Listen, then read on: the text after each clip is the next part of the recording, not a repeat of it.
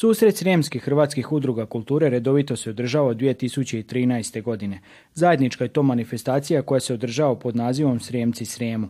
Nakon dvije godine pauze zbog situacije izazvane koronavirusom susret je organiziran u Šidu. Ona je jako dobro koncipirana, povezuje sve hrvatske udruge u Srijemu, čak i goste koji dolaze iz eh, drugih eh, krajeva i jako je važno da se i dalje održava i da se ljudi skupljaju, druže, a pogotovo sada posle dve godine pauze, mislim da je pravi moment da se ovo sad održi. Koliko je izazova za vas kao udrugu bilo da sve ovo organizirate?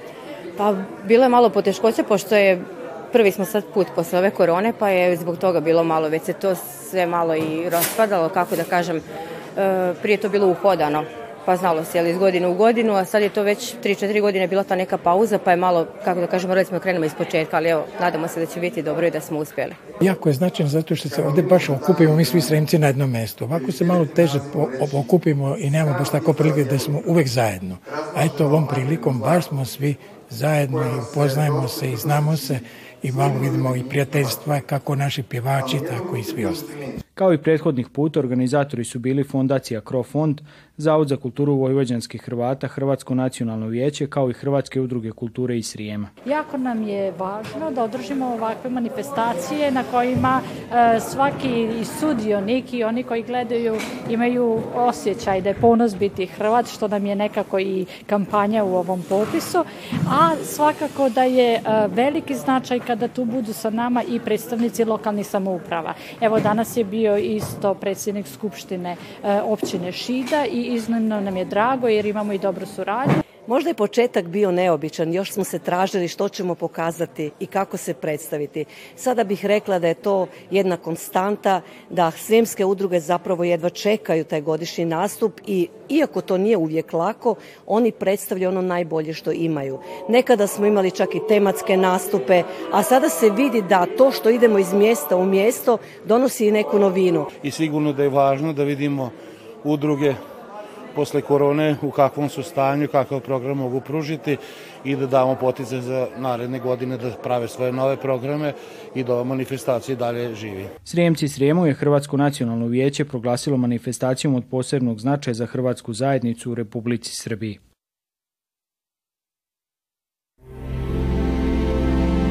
Gledate paletu.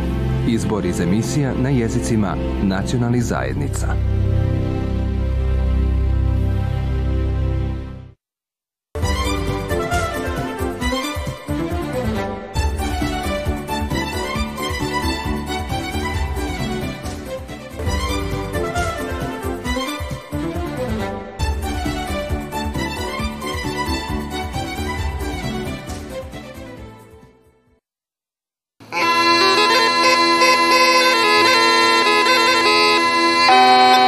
nošnja, pisme, plesovi, tambura, gajde, zajednički je nazivnik svih bunjevaca.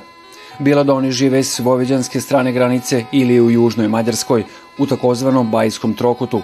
Zdenko Ivanković, subotički gajdaš kojega instrument povezuje sa sunarodnjacima u susjednoj državi. Tamo je ovaj jedan poznati profesor koji je došao tu održati jedno predavanje u kutu, zove se Anderweg, oni sam izrađuje gajde, ja sam od njega uz ove gajde. Zdenko je kao predstavnik bunjevačkih Hrvata iz Vojvodine nastupio na manifestaciji Bunjevci bez granica. Mjesto togodišnjeg susreta hrvatskih hudova s dvije strane granice koji njegoju bunjevačku tradiciju. Predstavlja se nošnja, glazba, plesovi, ali i narodni govor, ikavica. Pa mi koji smo od kuće donijeli jezik, e, pohađali smo osnovnu školu na hrvatsko-srpskom mi smo mogli očuvati jer smo i učili taj jezik, ali ova mlađa generacija uošte ne priča. U programu su sudjelovali članovi folklornih i pjevačkih skupina iz mađarskog Bačalmaša, Kačmara, te iz Bačkog Lemeša, Tavankuta, Subotice i po prvi put Đurđina. Svoju zajednicu iz tog sela predstavljali su mali pjevači. E, okupljamo se u Đurđinu u dvorani kod mhm. župnika, e, drži nam pivanje Nela e, i tamo imamo probe koje učimo ponekad za festival i tako. ja sviram tamburicu i da mi je dobro i mislim da ću za par godina završiti u orkestru. Domaćin šestoga skupa Bunjevci bez granica bila je Hrvatska udruga Matije Gubec u kutu.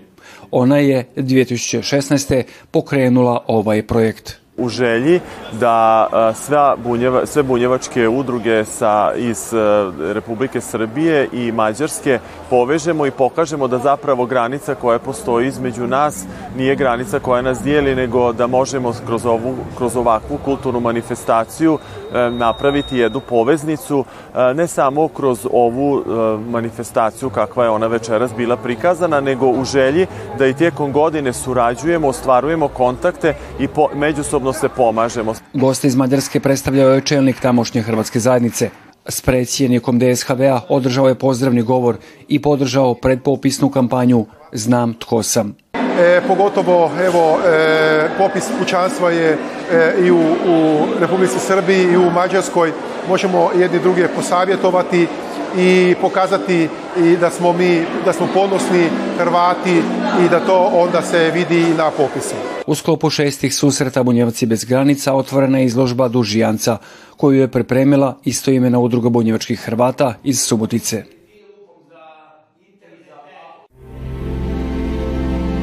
Gledate paletu. Izbor iz emisija na jezicima nacionalnih zajednica.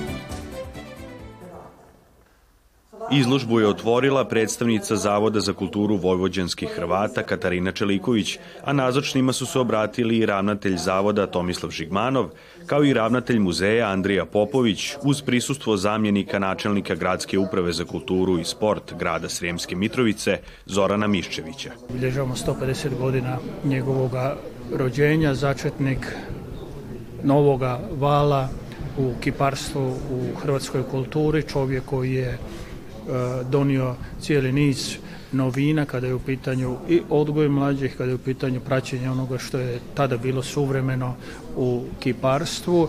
Podsjećamo da je on rođen u Mitrovici, da je Mitrovica i ovaj dio Srijema davao velikane koji su, kaže, imali svoje prinose u brojnim segmentima društvenog života u ukupnom hrvatskom E, kulturnom prostoru.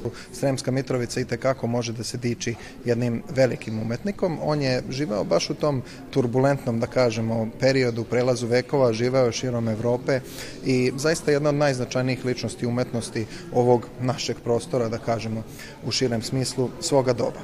Robert Frangiš Mihanović rođen je u Srijemskoj Mitrovici 1872. godine. Hrvatski je kipar i medaljer. Školovao se u Zagrebu i Beču, a kasnije usavršavanje nastavio je u Parizu, gdje su mu suradnici i kolege bili mnogi priznati umjetnici. Jedan je utemeljitelja Umjetničke akademije u Zagrebu i njezin je prvi upravitelj i profesor. Njegovo najmonumentalnije dijelo je spomenik kralju Tomislavu u Zagrebu. Samo izložba je koncipirana na način da je tu prikazano 30 reprodukcija vrhunskih dijela Roberta Frangeša Mihanovića koji se nalaze u našem fundusu našeg nacionalnog muzeja. Dakle, od njenih, njegovih prvih dana od kraja 19. stoljeća pa završno sa kraljom Tomislavom skulpturom koji je on dugo dosta radio od 28. do 35. godine, poslije tek 47. postavljen spomenik na atraktivnom, na Tomislavcu popularno nazvanom u Zagrebu i mi čuvamo um, njegovih oko 30 uh, skulptura, znači dijela u salonskog formata primjereno našemu fundusu. Izložba je organizirana u okviru projekta Godine novog preporoda uz pomoć Središnjeg državnog ureda za Hrvate izvan Republike Hrvatske.